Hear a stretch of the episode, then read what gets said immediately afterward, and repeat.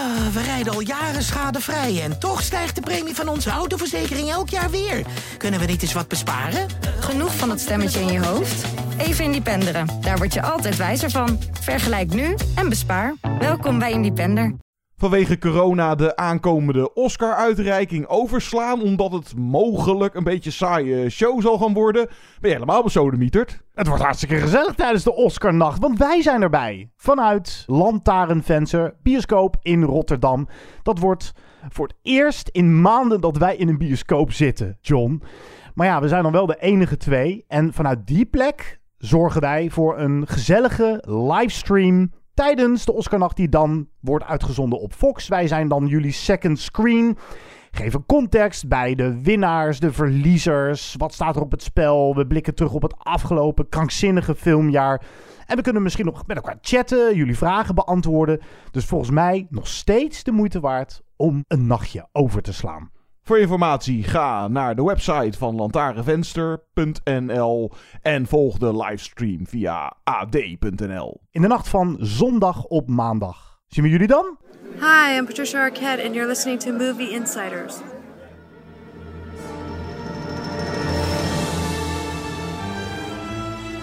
Good evening, ladies and gentlemen. We are tonight's entertainment.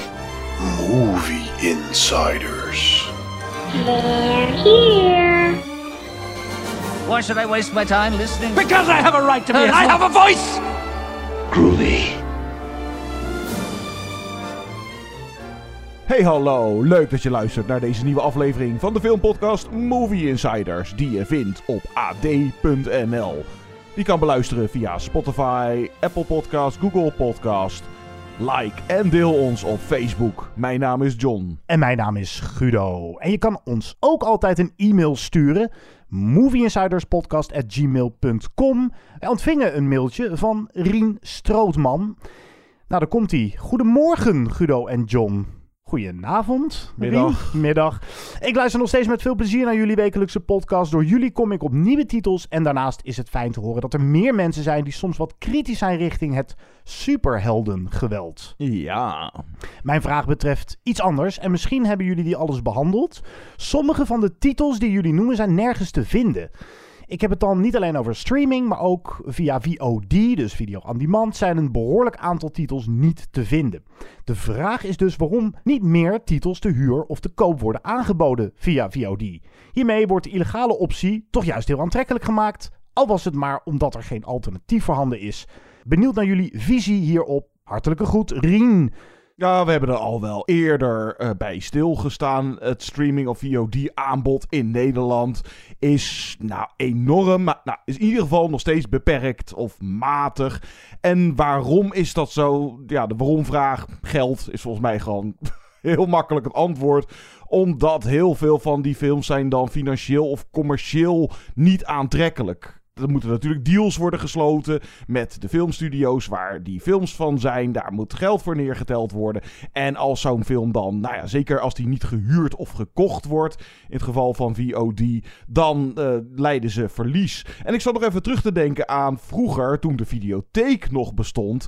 Oké, de meeste niet, maar sommige videotheken hadden dan naast de grote populaire titels ook wel die Braziliaanse of die Russische arthouse titel. Alsof ze zich daar een soort van verplichting van ja, dat aanbod moeten wij ook bieden aan uh, de, nou, huurders in dat geval. En ja, je ziet het nu, zeker ook bij de streamingdiensten, nog niet. Even een fascinerend fenomeen of een fascinerend gevalletje wat ik bij Netflix recent constateerde is dat zij... Ja, ze hebben volgens mij een deal gesloten met de Swedish Film Institute. Oh, ja. En nu staan er allemaal oude Zweedse films op Netflix. Zelfs sommige van 100 jaar oud. Maar dat zijn dan niet zozeer de klassiekers. Het zijn gewoon oude Zweedse films. Ik zit A af te vragen wie zit daarop te wachten. En B, wie gaat dat dan hemelsnaam zitten kijken? Want dat is nou niet Bergman of zo. Dus het is inderdaad het aanbod, zeker met betrekking tot de gevestigde klassiekers hier in Nederland. Ja, dan ga je afvragen wat zijn de alternatieven. Dan kom je toch ouderwets uit bij DVD of Blu-ray kopen via bol.com of via Amazon, uh, laten thuis bezorgen. Misschien een beetje afhankelijk in welke stad je woont, dat je bij je lokale bibliotheek. Dat was vroeger vaak ook nog wel het alternatief voor de videotheek voor de Tarkovskis en de, nou ja, roep ze maar. De meer snobistische titels. Ja, want inderdaad, onze nummers 1 van de top 5 gevoelige geschiedenis, Japan Main Street en Battle of Algiers. Ik ben het dan even gaan opzoeken. Je hebt de populaire filmsite, beter alternatief voor IMDb, Letterboxd. En dan kan je bij iedere titel zie je dan onder het postertje links Where to Watch. En dan zie je dat in Amerika HBO Max, Google Play, het Criterion Channel, zelfs iets van dat je ze via YouTube kan huren of kopen. Dus ja, ik weet niet, misschien dat er mensen technisch, dat je daar wat verstand van hebt, dat een abonnement op een HBO Max, ik roep maar even wat, nemen, dat het mogelijk is met VPN dingen. En dat zou een alternatief kunnen zijn. Dus dan heb je twee opties. Koop de DVD of probeer een abonnement op zo'n Amerikaanse. Of anders, laat ik het maar niet noemen, optie 3. Uh, of anders, ja, geduld hebben. Het is verder nog een beetje om te janken hier in Nederland. Nou ja, uh, ligt het nou aan mij? Of vind ik dat wel meevallen. Ik vind wel dat het aanbod steeds beter wordt. En we hebben ook heel veel van die wat kleinere video-on-demand streaming kanalen die je kan raadplegen waar we misschien niet aan denken. Want we denken al snel aan Netflix en aan Apple en aan Amazon Prime Video en wat is nou, uh, Disney ja, en Videoland. Dat zijn een beetje de grote jongens, maar je hebt ook Cinemember, je hebt Cinetree. En zo heb je nog wel meer van dat soort platforms. Ik heb ze ooit eens voor het AD op een rijtje gezet. Uh, nou, even slim googlen of slim zoeken op uh, de site van het AD. Dan kun je dat misschien nog vinden. Wat zijn de alternatieve streamers naast nou, de grote jongens die ik net noem? En dan vind je ook heus wel dingen van Hitchcock en van Chaplin. Ja, als je echt een, doorgewinterde cinefiel bent die hunkert naar ook het oeuvre van Tarkovsky, die je net noemt, de grote, de, de Russische grootmeester. Ja, je vindt niet alles, maar ik vind toch dat het aanbod steeds beter wordt. Hoor. Ja, En- het- ja, wat ik zeg, geduld. Het wordt wel beter, maar Ja. het kan nog veel beter. Want Tuurlijk. als ik dus bijvoorbeeld naar zo'n vorige top 5 kijk... Ja, als vier van mijn vijf keuzes hier in Nederland niet makkelijk te zien zijn... Ja, dan scoor je toch qua aanbod een zware onvoldoende. Ja, maar ik denk dat de gemiddelde filmkijker, of misschien zelfs wel de iets bovengemiddelde filmkijker, kan echt prima aan zijn trekken komen hoor. Via streamen. Dat is mijn stelling. En ik heb het al vaker geroepen en ik zeg het nu nog een keer. JustWatch.com is ook een eh, mooie site waar je een titel kan invoeren. En dan gaat hij voor jou zoeken waar in Nederland hij op een VOD-kanaal te vinden is. Misschien is dat nog een leuke tip, mocht je dat nog niet weten. Ja, maar dus nogmaals, eh, er is een hele hoop mis aan Amerika... maar het filmaanbod daar... eh, dat eh, zouden we hier moeten hebben. Oh god. Kunnen we nog een puntje aanzuigen? Goed, wij gaan beginnen aan deze. We zijn al begonnen, maar wat is verder het programma van deze aflevering van Movie Insiders? We doen een blokje ook nog gezien met wat nieuwe titels die. Alles gaat weer open de terrassen, maar de bioscopen blijven nog even dicht. Die dus op wat streamers te zien zijn, waaronder The Little Things met Denzel Washington, Rami Malek en Jared Leto. Dus nou, best een grote titel van Warner. Dan hebben we The Marksman, een nieuwe met Liam Neeson en Boss Level. Nou, dat gaan we eventjes kort behandelen. En we doen deze podcast afsluiten met onze Oscar-voorspellingen. Doen we kort. We hebben eerder in een aflevering van een paar weken terug de Oscar-nominaties gedaan, besproken, doorgenomen. Maar nog even kort, nu we een paar dagen voor de Oscarnacht zitten. Die gaan er winnen. Dat dus in het klapstuk van deze podcast. Wat we wel weten, en welke er wel eerder won, wel in 1995, ruim 25 jaar geleden, is een film die we gaan terugspoelen nu. Met Mel Gibson. Wat blijft er over van Braveheart? They may take our lives, but they'll never take our... Biertje op het terras. I have to go back into the past once more. Just once more.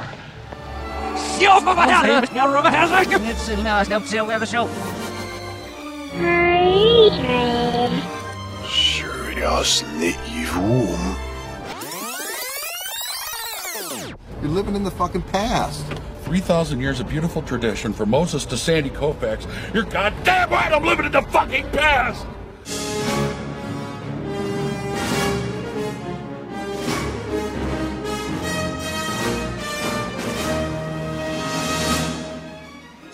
Fight and you may die. Run And you'll live. At least a while. And dying in your beds many years from now, would you be willing to trade all the days from this day to that for one chance, just one chance, to come back here and tell our enemies that they may take our lives, but they'll never take our freedom!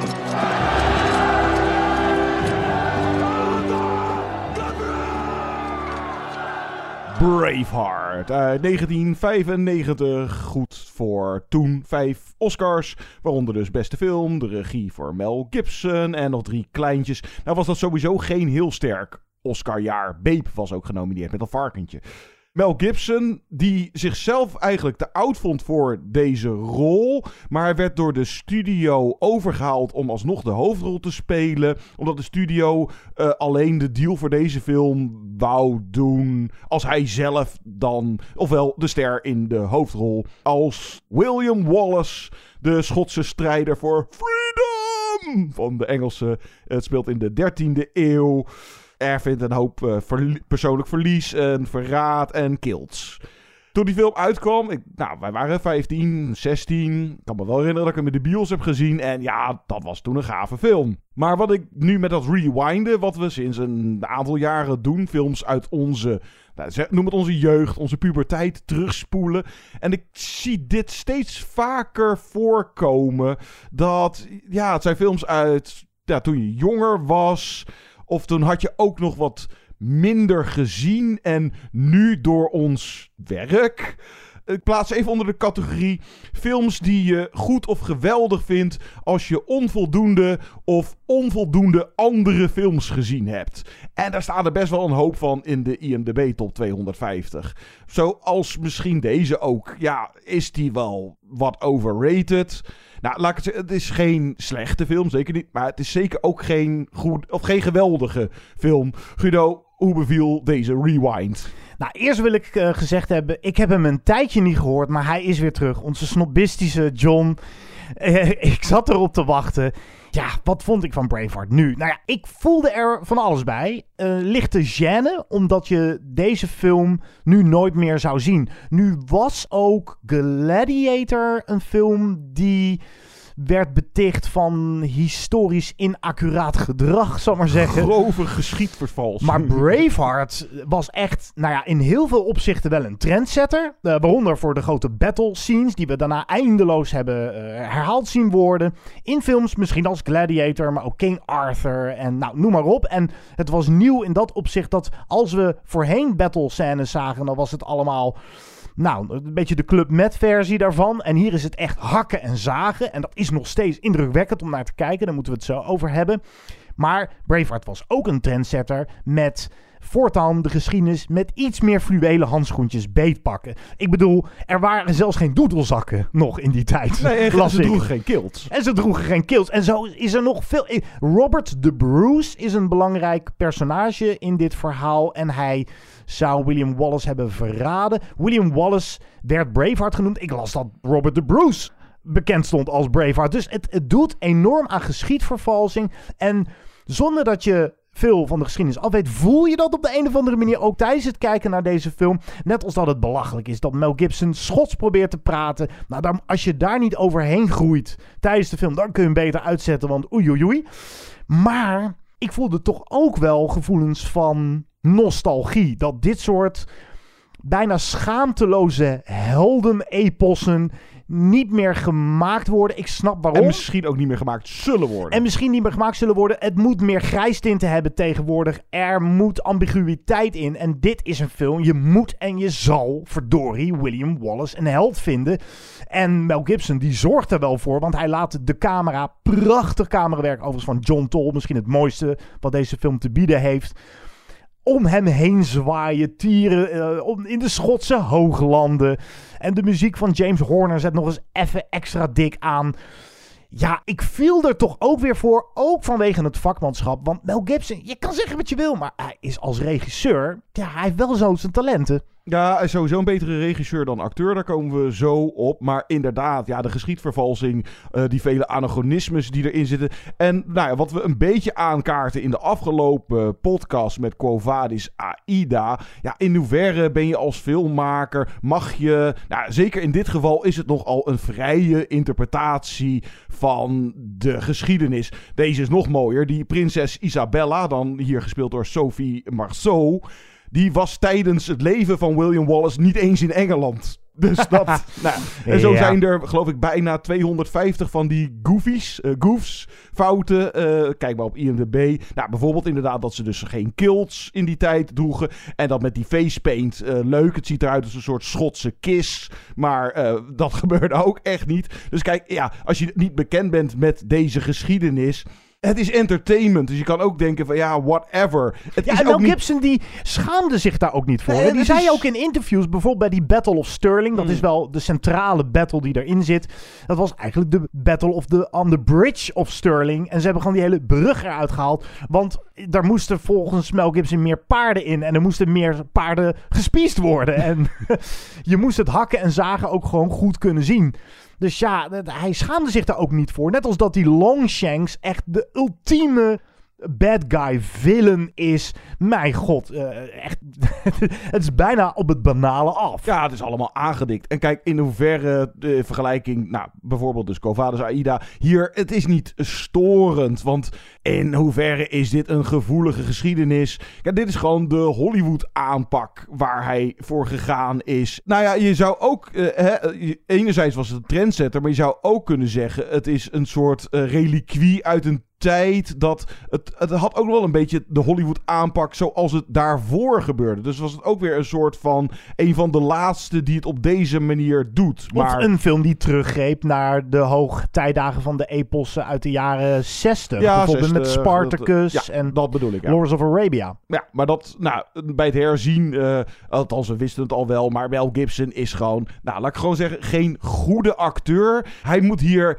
emoties acteren en daar, dat, dat lukt hem gewoon niet. Kijk, Mad Max was een soort ideale casting, want daar hoefde hij niet zo... Gewoon een beetje loom voor zich Ja, uitkijken, toch? Ja. En dat accent, nou ja, weet je wat het is met dat accent van hem? Het is niet zozeer slecht, maar het is ook weer niet goed. En daardoor inderdaad storend. Dus het is een beetje zoals wij misschien ook wel een Schots accent, dat we er nog net mee weg zouden. Zo komt hij er wel mee weg. Maar is het inderdaad, nou ja, wat jij al zei, van als je daar echt aan stoort, dan eh, wordt het een zware zit. Maar dat zijn allemaal dingen die eigenlijk vooral wat zeggen over het filmlandschap van nu. Er zitten wel meer dingen in Braveheart die je nooit meer zou zien tegenwoordig. En wat ik ook zag nu in Braveheart, daar moeten we het helaas over hebben. Mel Gibson werd op een gegeven moment gewoon knettergek. Dat was hij altijd al, maar dat lekte steeds meer uit. Eh, zijn anti-Semitische houding, zijn anti-homo-houding. De tapes die uitlekten, waarin hij zijn vrouw voor van alles en nog wat uitmaakt. Het is gewoon geen leuke man, deze Mel Gibson. En als je goed kijkt, dan zie je al die dubieuze trekjes hier al in de grondverf staan. Zo heb je bijvoorbeeld, ik weet niet wat jij ervan vond, maar de zoon van Edward Longshanks, een mogelijk toekomstige koning, is hier echt gewoon een, Een extreem, ja, extreem nichterig type. Op zo'n manier dat hij niet alleen belachelijk wordt gemaakt door zijn vader als filmpersonage, maar ik kreeg er ook een ongemakkelijk gevoel bij door de manier waarop Mel Gibson hem in beeld brengt. Het Ja, is, en ook de blik, is- op, de, de blik op vrouwen, ook Ja. een beetje. het, ja. het, het is gewoon. En daarnaast heb je natuurlijk gewoon. laten we heel eerlijk wezen. Dat, dat was ik bijna vergeten. Hoe uitgerekt die finale was van eh, Braveheart. Maar die ongezonde fixatie op het lijden. Ik was dus vergeten dat Mel Gibson, spoiler alert. Ik mag hopen dat iedereen Braveheart gezien heeft. En anders, nou ja, hij gaat dood. Hij wordt opgepakt en hij wordt. Ja, net als Jezus. Hij wordt ehm, heel langzamerhand helemaal uit elkaar getrokken. ja, zoiets, En ja. dat gebeurt hier ook nog eens in ellenlange slow motion shots. Het duurt maar en het duurt maar. Ik heb altijd de derde acte van Braveheart veel minder gevonden. Eigenlijk vanaf dat de battlescènes zijn afgelopen en niet meer terugkeren, dan had ik er minder interesse in. Ja, de tweede acte is het beste. Maar welke mij het meeste tegenviel is toch vooral dat eerste uur. Sowieso. Oh, dat ja, vond nou, ik die- nog wel werken. Nou ja, oké, oké, die lengte. Ach ja, het is een epos, dus dat mag drie uur duren. Maar ik vond vooral dat eerste uur nogal matig. Of althans, nou, het is ook de manier. eh, Schotland wordt mij net iets te verlekkerd in beeld gebracht. En Hmm. dan heb je die romance tussen hem en zijn liefje. Die, nou, wordt dan vermoord. En dat is ook deels de aanleiding waarom die. Maar dat ziet er nog net niet uit als een soft erotische Schotse shampoo-reclame af en toe. Ja, dat is ja, ook Het is zo. wel een beetje. Maar het, blijft- randje kitsch. Het blijft wel schokkend wat er met eh, zijn liefje gebeurt. zeker. En ik weet nog wel dat toen ik hem zag, nou, dan maakte dat helemaal indruk. En dat is natuurlijk zo zwart-wit wil Mel Gibson het ook gewoon hebben in zijn films. Je hebt de good guys en je hebt de bad guys en daar zit niks tussen. Dus moet je eerst zien, niet alleen hoe Marren, heet ze, het liefje van eh, William Wallace, eh, wordt eh, vermoord. Nee, je krijgt ook nog eens uitgebreid te zien dat haar keel langzaam wordt doorgesneden en dat het bloed eruit gutst. Waardoor je ook als kijker zoveel haat tegen de Engelsen voelt dat je alleen nog maar kan juichen voor de acties van William Wallace. En dat zouden we dus nu heel anders doen.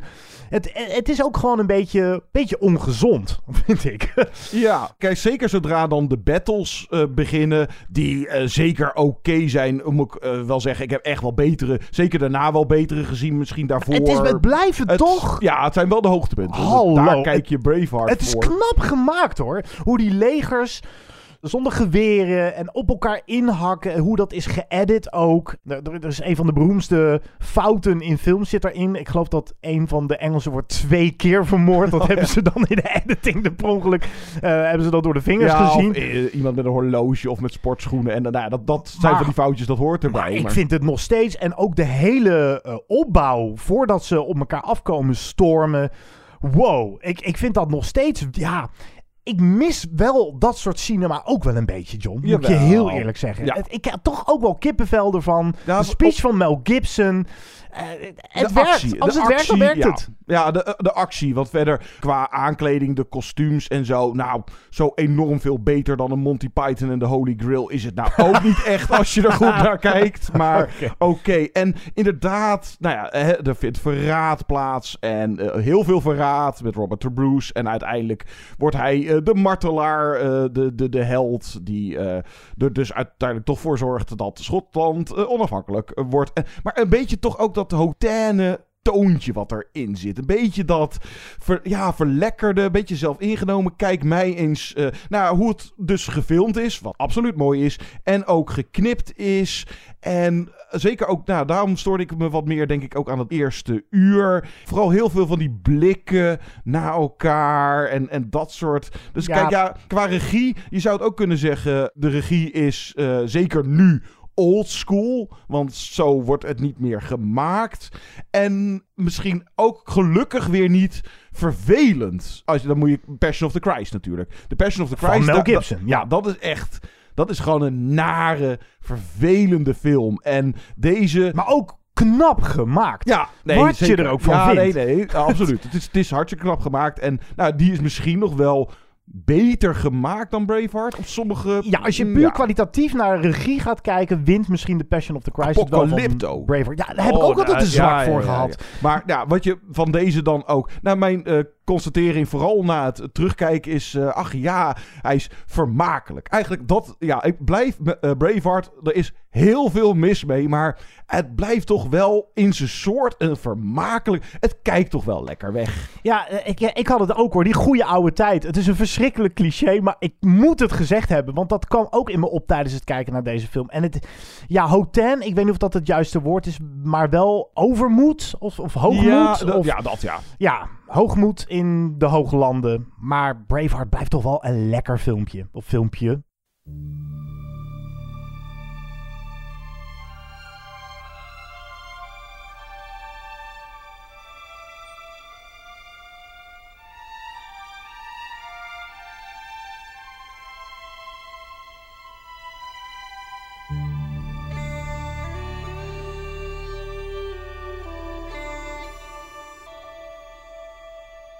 Blijf luisteren. Straks korte bespreking van nou, iets anders met Mel Gibson en The Little Things. En we doen nog even onze Oscar-voorspellingen. Eerst een muzikale onderbreking. Deze won geen Oscar. Sowieso trouwens, maar dat is ook iets uit die tijd. De score, hoewel die prachtig is, van James Horner. Maar hij is wel erg aanwezig ook. Er zit, Ja. Nou, zitten er momenten, wel, uiteraard, in Braveheart waar geen score. eh, maar het is wel heel erg met, nou, met doedelzakken. En eh, mooie score, absoluut. Ja, ik ben daar wel een zakker voor. Ook voor films die de soundtrack een prominente plek geven. En James Horner draagt wel bij aan de emotie van deze film. Het ik vind het nog steeds. Nou ja, we, we hebben het de hele tijd over die goede oude tijd. Ik mis ook wel dit soort melodieuze, iets wat tegen het kitsch aanschurende filmmuziek scores. Deze verloor inderdaad de Oscar van Il Postino. Een aardig soundtrackje van een Italiaanse aardige film. James Horner was twee keer genomineerd dat jaar. Weet jij, een leuke quizvraag. Voor welke andere soundtrack was James Horner ook genomineerd datzelfde jaar? Van Apollo Braveheart? 13? Netjes, John. Hey. Netjes. Dat is wel een mooiere score misschien. Eh, ja, ja. anders. Ah. Ja, ja, ja. Hij won hem uiteindelijk voor Titanic, hè? Uiteraard. En dat hoor je trouwens bij deze soundtrack ook al wel een beetje die Titanic sound. Braveheart dus.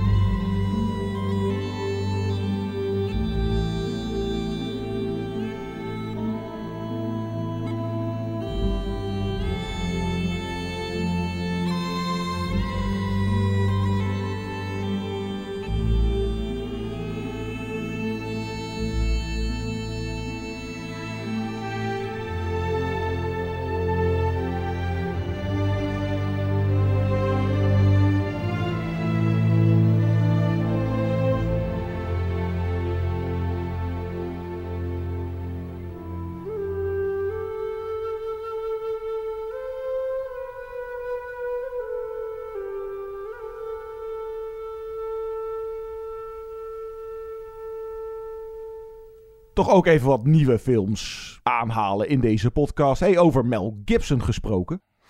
Ja, hij zit in een film die ook maar wordt gedumpt op VOD.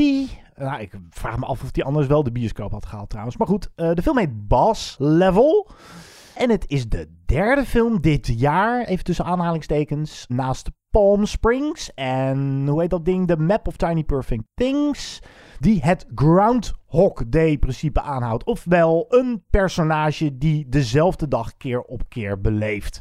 En zich daar een uitweg in probeert te vinden. En het is hier ook. En ik, ik haat een beetje die term guilty pleasure. Maar dit is echt de ultra-violent eh, versie van eh, Groundhog Day. Die ook, nou ja, eigenlijk net als die Tom Cruise film. Hoe heet die ook weer? Edge of Tomorrow. Edge of Tomorrow.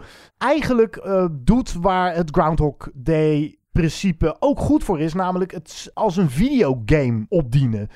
De hoofdrol hier wordt gespeeld door Frank Grillo. Nou, die speelde geloof ik... eh, hoe heet hij ook weer? Die, eh, Crossbones of zo. Crossbones. Het was zo'n zo'n bad guy figuur die in meerdere Marvel films opdook. Maar goed. En hij zit dan vast in een loop en hij wordt wakker en wordt achterna gezeten door echt een tiental assassins.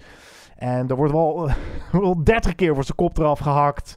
En hij moet het weer opnemen tegen een martial arts chick. En op een gegeven moment weet hij precies welke bewegingen ze natuurlijk allemaal maken. Op een gegeven moment zit je ook wel een beetje in zo'n... Nee, flow is niet het goede woord. Maar op zo'n punt in de film dat hij zich steeds weer gewoon laat doodmaken van... Oké, nou, volgende ronde beter. Ja, en dan, dan haal je wel een beetje de urgentie of zo uit de film weg. En wat eh, is Mel Gibson dan? De bos? De bad guy. Ja, Oh, de man die ook verantwoordelijk is voor de machine die ervoor zorgt dat je in een Groundhog Day terechtkomt. Maar het grootste raadsel van deze, nou laat ik het eh, eh, aardig zeggen, zelfbewuste pulp, is de aanwezigheid van Naomi Watts. Die hier een bijrolletje speelt als Frank Grillo's ex-vriendin. Wat is er gebeurd met Naomi Watts, vraag je dan af. Want dit is, dit is dus wel echt pulp met een hoofdletter B. Maar ja, als je weet wat je bent... Nee, hoofdletter P is dat dan, hè? Wat zei ik? B? Ja, jij zei B. Bulb. Bulb, ja. Oké, dat was de recensie van Boss Level. Eh boss Level. Goed, ehm, andere titel maar. Eentje die hopelijk beter is? Huh? Vraagteken. The Little Things. You're not exactly a department favorite. Things probably changed a lot since you left. You still got to catch him, right? Yeah. Hmm. Not that much has changed then, right? I can assure you all we are taking a 24 7 all hands on deck approach to these cases. Guy's a shark. If he stops, he dies. He likes to drive. Probably has a decent car, maybe two, high mileage. You must really like my car. I do. How's the trunk space? The Little Things nu te koop. Binnenkort dan te huur, maar nu nog te koop op. Ik zag Pathé thuis 13 euro, Google Play 15 euro. Eh, nou. Jeetje, John, je begint lekker. Zonder van je geld. Laat het, eh, het speelt in de 90s. En het lijkt ook wel alsof deze. Nou, vooral het script ook een beetje uit die tijd is eh, blijven liggen. Ik, ik geloof dat het, het speelt ergens begin jaren 90. Denzel Washington is een hulpsheriff van een stadje in de buurt van LA. En hij keert terug naar LA voor iets. Weet ik niet meer. Doet er niet toe. Maar hij was daar ooit een gevierd rechercheur. En daar is toen een zaak geweest waar hij zich helemaal in vastbeet. Dat is, nou, is iets misgegaan. En dat heeft hem nou, getraum. Laten we het houden op. Hij loopt met een trauma rond. En hij is dus terug in LA. Komt daar in contact met Rami Malek. Een wat jongere nieuwe rechercheur. Die, nou, ze- zeg maar, soort van zijn positie daar heeft ingenomen. En nu bezig is met een zaak van een seriemoordenaar. Die dan, het werd me nooit helemaal duidelijk, wel of niet gelinkt is aan dus een oude zaak van Denzel Washington. En nou, ergens halverwege de film verschijnt er dan een verdachte, of een voornaamste verdachte in beeld. Die wordt gespeeld door Jared Leto. Ja, misdaad, thriller, neo-noir, zo je wilt. Die uh, al heel snel inkakt, zeker halverwege. En nou, gelukkig is er dan Jared Leto, die hier wel echt het hoogtepunt uh, vormt. Die speelt echt een heerlijke creep. En naar het einde toe slaat de film, nou misschien ook zelfs wel qua toon, maar zeker qua plot, een andere vervelende zijstraat in dan je verwacht. Yep. Dat einde, nou Yep. laten we het maar niet spoileren, maar uh, dat is nogal onbevredigend. Het is, Het is onbevredigend, maar het is ook een hele krampachtige poging van de film om een soort ja, overpeinzing aan de kijker mee te geven. En iets anders te doen. Het, het is heel raar. Nou, over Jared Leto de grap is, overigens uh, hebben we al gezegd dat hier dus drie Oscar-winnaars in rondlopen. Denzel Washington, nou, die won een Oscar voor onder meer Training Day. Dan heb je Rami Malek, die natuurlijk Freddie Mercury speelde in Bohemian Rhapsody. En Jared Leto won hem voor Dallas Buyers Club. Maar die Jared Leto, ik dacht de hele film lang, jeetje, dit soort type bad guys, die kunnen eigenlijk ook niet meer. Weet je, echt de type bad guys die het lekker vinden dat ze uh, net wat meer kennis hebben dan de politie. Die het ook lekker vinden om een beetje met ze te spelen. Zo'n kat-en-muis spelletje die heel onderkoeld blijven. Wijd open gesperde ogen, een beetje grinniken. Het is echt uh, een klassieke filmboef die je inderdaad vooral zag in de jaren 90. En ik moest er een beetje om lachen. Maar ik was toch ook blij met Jared Leto. Want hij maakt er in ieder geval nog wat van. Ja, want Denzel en Rami die zijn nog automatische piloot het, uh, ja, ja, en wat ik vooral kwalijk vind eigenlijk is... Um, het is een seriemoordenaars thriller. Maar ik heb echt werkelijk geen seconde dreiging gevoeld. Echt nee. nooit. Nooit. Het wordt niet, uh, ook qua belichting niet. En de, de moi-muziek van Thomas Newman werkt ook niet. Het is, er is gewoon geen spanning. Deze film zet je op een gegeven moment, zit je hem uit. En er komt zo'n moment dat Denzel Washington en Rami Malek steeds in de auto zitten te wachten om Jared Leto te betrappen op iets. En daar, daar wordt gewoon bijna drie kwartier voor uitgetrokken. En dan zitten ze weer in de auto en dan gaan ze er weer even uit. En dan gaan ze weer terug in de auto. Even en koffie halen. Wow, Ja, het ging ja. echt nergens heen Ja, ook. en dan een cynisch toontje. En het probeert nogal ja, duister te zijn. Of een beetje leentje buur te spelen bij vooral films van David Fincher, Seven, Zodiac. Nou, dat soort betere misdaadthrillers. Met nog een klein beetje Michael Mann, Heat-achtige. Nou ja, hoe het dan Saus. visueel. Maar inderdaad, die drie Oscar-winnaars. Denzel, die loopt. Nou, hij- hij is niet slecht, maar. Denzel hier- is nooit slecht. Nee, maar hij loopt hier wel eh, een beetje verveeld. Dat kan ook aan het personage liggen. Maar ik kreeg er ook wel een beetje gevoel bij van... Nou, kom maar op met die check. Eh, Die centjes hebben we ook weer binnen. En Rami Malek doet wel echt zijn best. Maar ligt ook weer aan het personage... wat gewoon niet lekker uit de verf komt. Dus het is eigenlijk uiteindelijk gewoon een, vooral of een hele vervelende... en vaak ook nog wel saaie soort wannabe Seven of zo.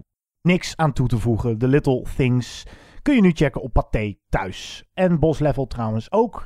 En dat geldt eh, ook ja, voor deze, The Marksman, die je ook weer kan zien op Amazon Prime Video trouwens. En dat is ja, een film met Liam Neeson.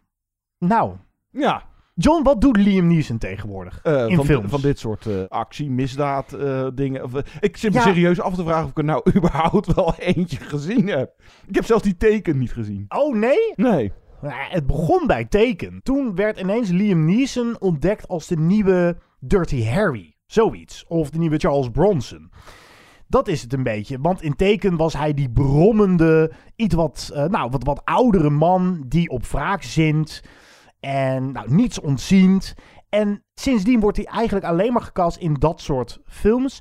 En The Marksman doet niet eens meer enige moeite om motivaties uit de doeken te doen. Ook van de bad guys. Er is gewoon een kartel. Een drugskartel. Er is natuurlijk een jochie die wordt wees. Zijn moeder wordt neergeknald. En hij doet een belofte vlak voordat die vrouw doodgaat. Ik zal je kindje in bescherming nemen. En gaat met hem op de vlucht. En nou, dit is echt... Dit is de lopende band voorbij. Echt. En dan heb ik liever nog een The Little Things die heel onbevredigd eindigt, maar Een poging een, doet. ja, zoiets, een eh, ja. poging onderneemt om er nog iets van te maken. En iets van een artistieke eh, sfeer uit te stralen. Nou ja. En dit is gewoon, het is ook gewoon een lelijke film om naar te kijken. Liam Neeson zit er verveeld in. Het is, ik zou echt niet weten, werkelijk waar niet weten waarom je deze film zou moeten aanzetten. Echt niet. Want zo zijn er al dus... Nou, wat heeft hij er inmiddels tien van dit soort gemaakt, geloof ik. Ja, nee, kijk dan toch nog maar eh, eh, naar, nou, teken. Met Ik- terugwerkende kracht was teken dan nog wel oké. Ik zal hem toch eens... Het, eh, hij stond op de, nou ja, soort van watchlist. Het, moest er nog een keer van komen. Ik zal hem eens aanzetten. Je vraagt je nooit in deze film af of het wel goed komt met dat jochie. Je vraagt je alleen maar af, wat is er toch gebeurd met een man die ooit de hoofdrol speelde in Schindler's List? And the Oscar goes to Parasite.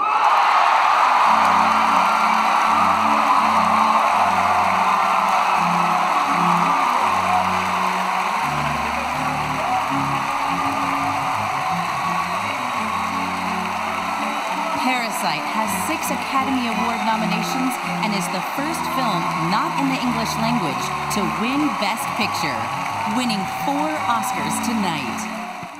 Ja, ik kan het nog steeds niet geloven, maar Parasite won daadwerkelijk de Oscar voor beste film vorig jaar.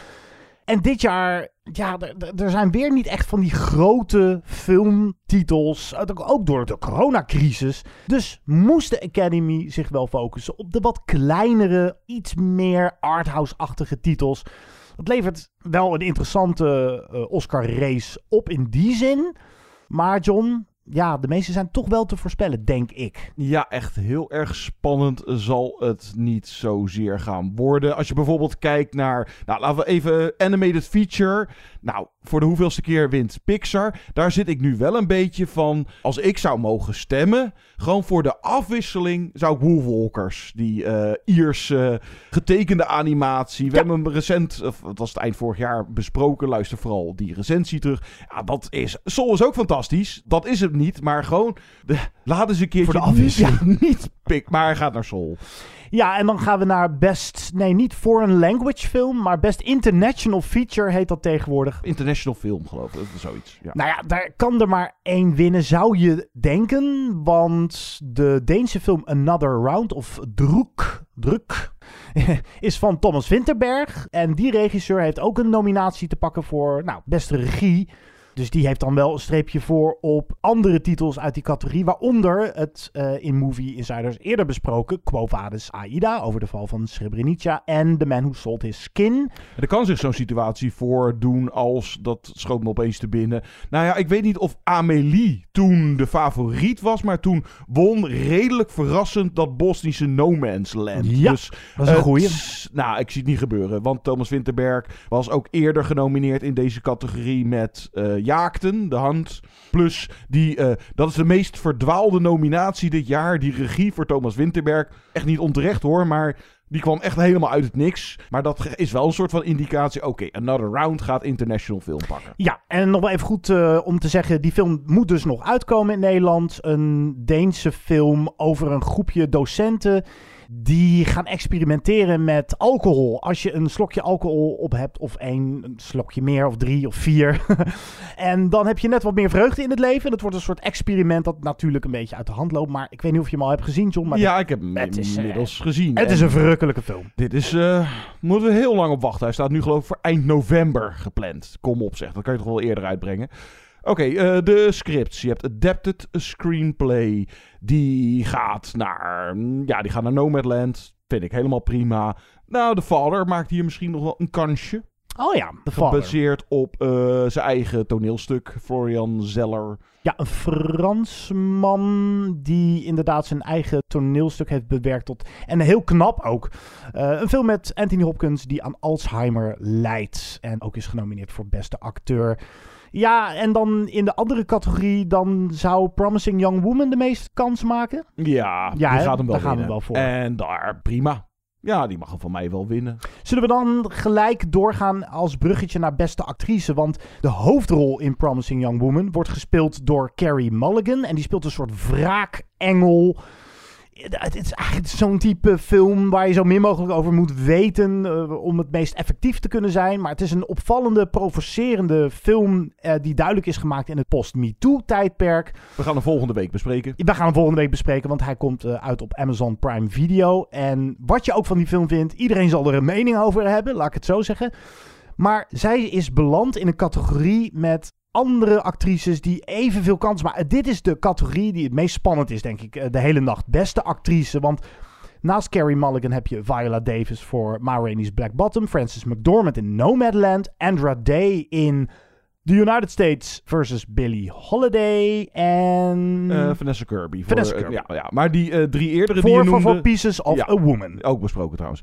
die drie die jij noemde, die hebben in aanloop naar deze uitreiking... alle drie in ieder geval een belangrijke gewonnen. En Carrie Mulligan nog niks. Of dat is geen, Nee. geen grote, geen indicator.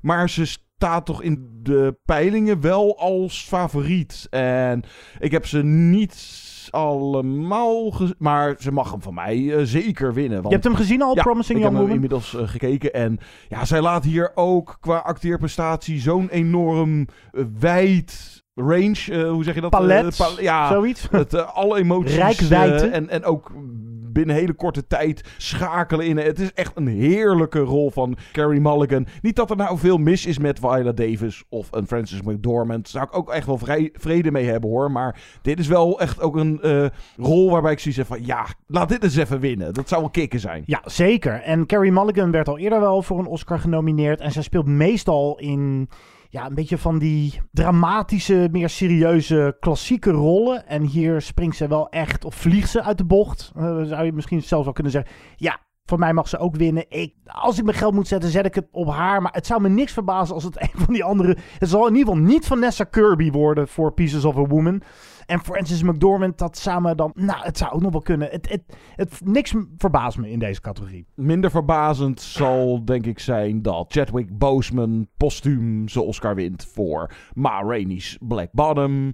Als je zou mogen stemmen, ik zou denk toch wel mijn keuze Anthony Hopkins. Mm, ja, ik vind Chadwick... Ja, Chadwick, Chad, ik heb iets met uh, Eh, letters eh, ben- omwisselen in ja. deze podcast. Chadwick Boseman. eh, die we kennen als Marvel-held Black Panther. Die is inderdaad eh, niet meer onder ons. En dit, ja, de- hier speelt toch, hoe lullig het ook klinkt, mee dat hij eh, niet meer leeft. En ook dat je naar die film zit te kijken in de wetenschap dat hij al heel erg ziek was. En het is wel een powerhouse performance. Dit is wel waar de Oscars ook een beetje voor zijn gemaakt. Van mij mag hij hem echt wel winnen. Oh ja, nee, absoluut, tuurlijk. Het is zijn beste rol. eh, die ik, eh, ik heb nog niet zo heel veel van hem gezien. Maar nou ja, kijk, in dit geval, als ik echt die factoren even niet zou meerekenen van postuum en zo. En kijk naar wat vind ik van die twee dan net aan de betere acteerprestatie, vind ik Anthony Hopkins. Die ook al heel lang niet echt meer een eh, dijk van een rol heeft gespeeld dan in The Father. Nou, nou oké. Die gaat naar Chadwick. Dan gaat supporting actor naar Daniel Kaluuya. Hoewel ik misschien wel voor Paul Raci uit eh, Sound of Metal zou zijn gegaan. Zeker, ja, daar had ik ook blind op gestemd. Maar hij gaat naar Daniel Kaluuya, die eh, Fred Hampton speelt. Black Panther, niet de Marvel-held Black Panther, maar de Zwarte Panther-beweging onder leiding van Malcolm X in Judas and the Black Messiah. Ja, die won ook al die eerdere prijzen die al zijn uitgereikt. De Golden Globe, de Screen Actors Guild Award. Eh, deze kan hij niet echt missen, denk ik. Maar En, tere- en terecht, prima joh. ja, nee, ik, het is echt een hele. Het, het- ja, knalt wel van de doek. Bij Best Supporting Actress, oftewel beste vrouwelijke bijrol. Ja, hier zou de enige Oscar voor Minari wel eens kunnen landen. Koreaanse film en zij is. Nou, nee, Amerikaanse film, maar nou ja, het gaat Ja. over Koreaanse immigranten. Ja. En eh Yoon Yu Jung, eh, oma. oma Die uit oma Minari. uit Minari, ja. Maar zij is wel, eh, ja, zij is wel echt memorabel, vind ik. Ik vind haar echt heerlijk. In die, en ze mag van mij echt winnen. Ja, oh ja, zeker. En eh, nee, wat echt memorabel zou zijn, is als die Maria Bakalova zou winnen voor Bora 2. Dat zou wel de shock van de nacht kunnen zijn. Het, het, zou- het zou me ook nergens echt verbazen of zo. Nee, ik zou niet van mijn stoel vallen of zo. Want zij is, nou ja, op oma na dan de, de goede... De Op goeie- oma na. De, de tweede kans. Maar eh, ja, nee, het, het zou wel hilarisch zijn. Dus nou, dat gaat denk ik niet gebeuren. Regie gaat naar Chloe Zhao. Voor Nomadland. Ja, eindelijk weer eens een vrouw die wint voor regie. Want dat is pas één keer eerder gebeurd met Catherine Bigelow voor The Hurt Locker. Ook alweer dik tien jaar geleden. En volgens mij heeft ze hier ook niet echt eh, concurrentie. Of is er echt competitie of zo. Nee, en dit is ook wel echt een film die fantastisch is geworden door haar regie. Nou, eh, Nomadland, die film die binnenkort ook uitkomt op eh, streaming, Disney+. Eh, Plus. volgende week bespreken we hem. Volgende week gaan we hem bespreken in de podcast. Gaat over de moderne nomaden van Amerika, waarin ook heel veel echte nomaden in rollen zijn beland. Dus ja, dan moet je echt van goede huizen komen als regisseur om dat in goede banen te leiden. Dat, dat is gewoon heel indrukwekkend en heel geslaagd. Ik, het zou mij verbazen als zij verliest eigenlijk. Net als dat Nomadland niet Best Picture de grote hoofdprijs zou pakken.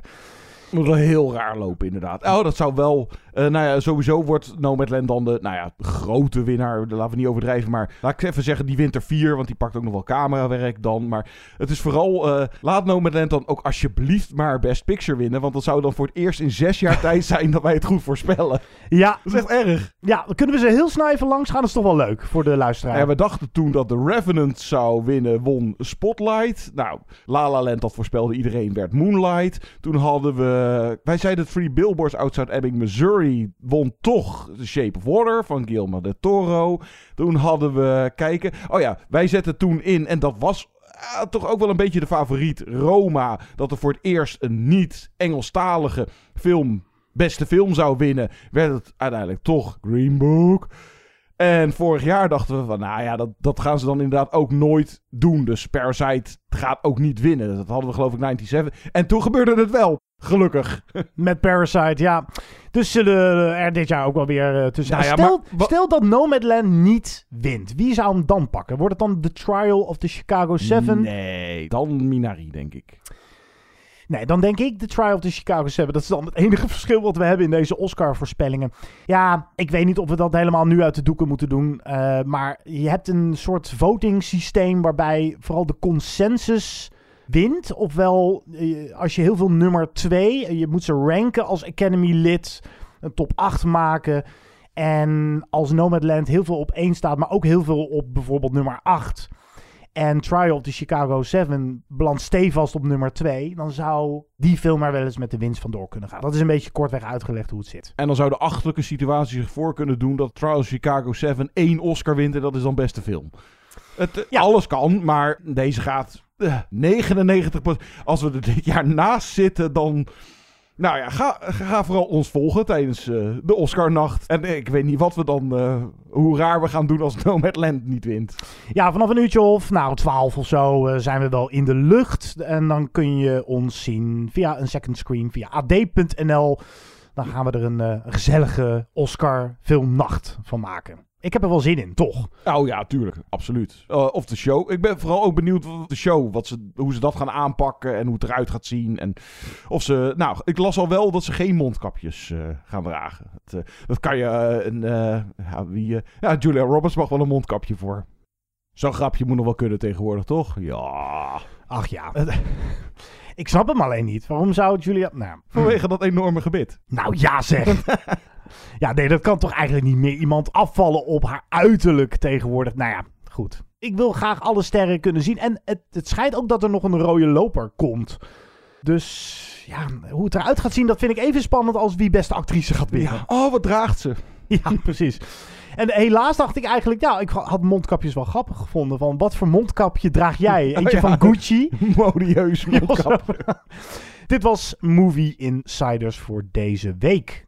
Wat vinden jullie van Braveheart? Recent nog herzien? Hebben wij een jeugdfavoriet aan Diggelen getimmerd? Nou, we hebben allebei wel aangegeven dat we er toch wel een beetje een zwak voor hebben. Maar ook andere vragen zijn welkom. Feedback, überhaupt, kom maar door. Je kan een reactie achterlaten op onze website movieinsiders.nl. Je kan met ons twitteren, at movieinsight. Vind ons ook op Facebook en of stuur ons een mailtje. movieinsiderspodcast.gmail.com Vind deze filmpodcast al ruim 13 jaar in de lucht op het AD, maar ook op platforms als Spotify, Apple, Google Podcast. John, we gaan eruit met muziek. Beetje in de Oscarsferen blijven. Ho, ho, ho, even melden wat we dus volgende week doen. De nou ja, grote Oscar-show. We blikken even terug, denk ik, op de afgelopen uitreiking dan. Maar we doen onze voorspelling. Grote winnaar Nomadland van Chloe Zhao met Francis McDormand bespreken we. En dus het eh, zeer interessante Promising Young Woman. En hoogstwaarschijnlijk Best Picture winnaars. Even kijken of die lijst hetzelfde blijft. Oftewel, welke films wonnen voor beste film daar een top 5 van. Eh daaruit met een van die genomineerde songs. Volgens mij de enige die we nog niet gedraaid hebben. Een Italiaanse film met Sofia Loren, die ook nog leeft. Ehm, IOC. Ja, volgens mij heet het nummer zo. En de film heet The Life Ahead. Ja, klopt. The Life Ahead. Netflix, dacht ik, ja. Ja, ik geloof het wel. En de muziek is van Diane Warren. En Laura Pausini schreef, geloof ik, de tekst. Nou ja, ik heb het hele nummer nog niet gehad. Dan gaan wij er ook even naar luisteren. Kijken of het de moeite waard is om daar een Oscar voor te geven. Ik vind echt de songnominaties dit jaar sowieso best song. Wat is nou de laatste keer dat echt een legendarisch liedje ook echt een hit werd bijvoorbeeld? Let it go, let it go. Oh ja. Tot volgende keer. Ciao, ciao. Quando tu finisci le parole, sto qui, sto qui. Forse a te ne servono due sole. Sto qui, sto qui. Quando impari a sopravvivere e accetti l'impossibile, nessuno ci crede, io sì. Non lo so,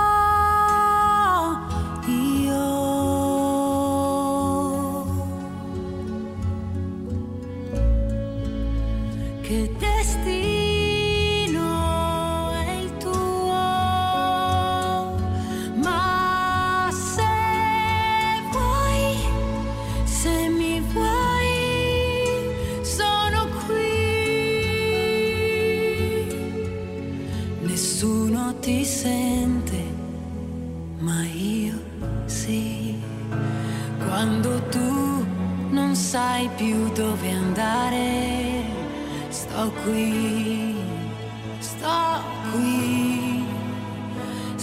scappi via o alzi le barriere, sto qui, sto qui, quando essere invisibile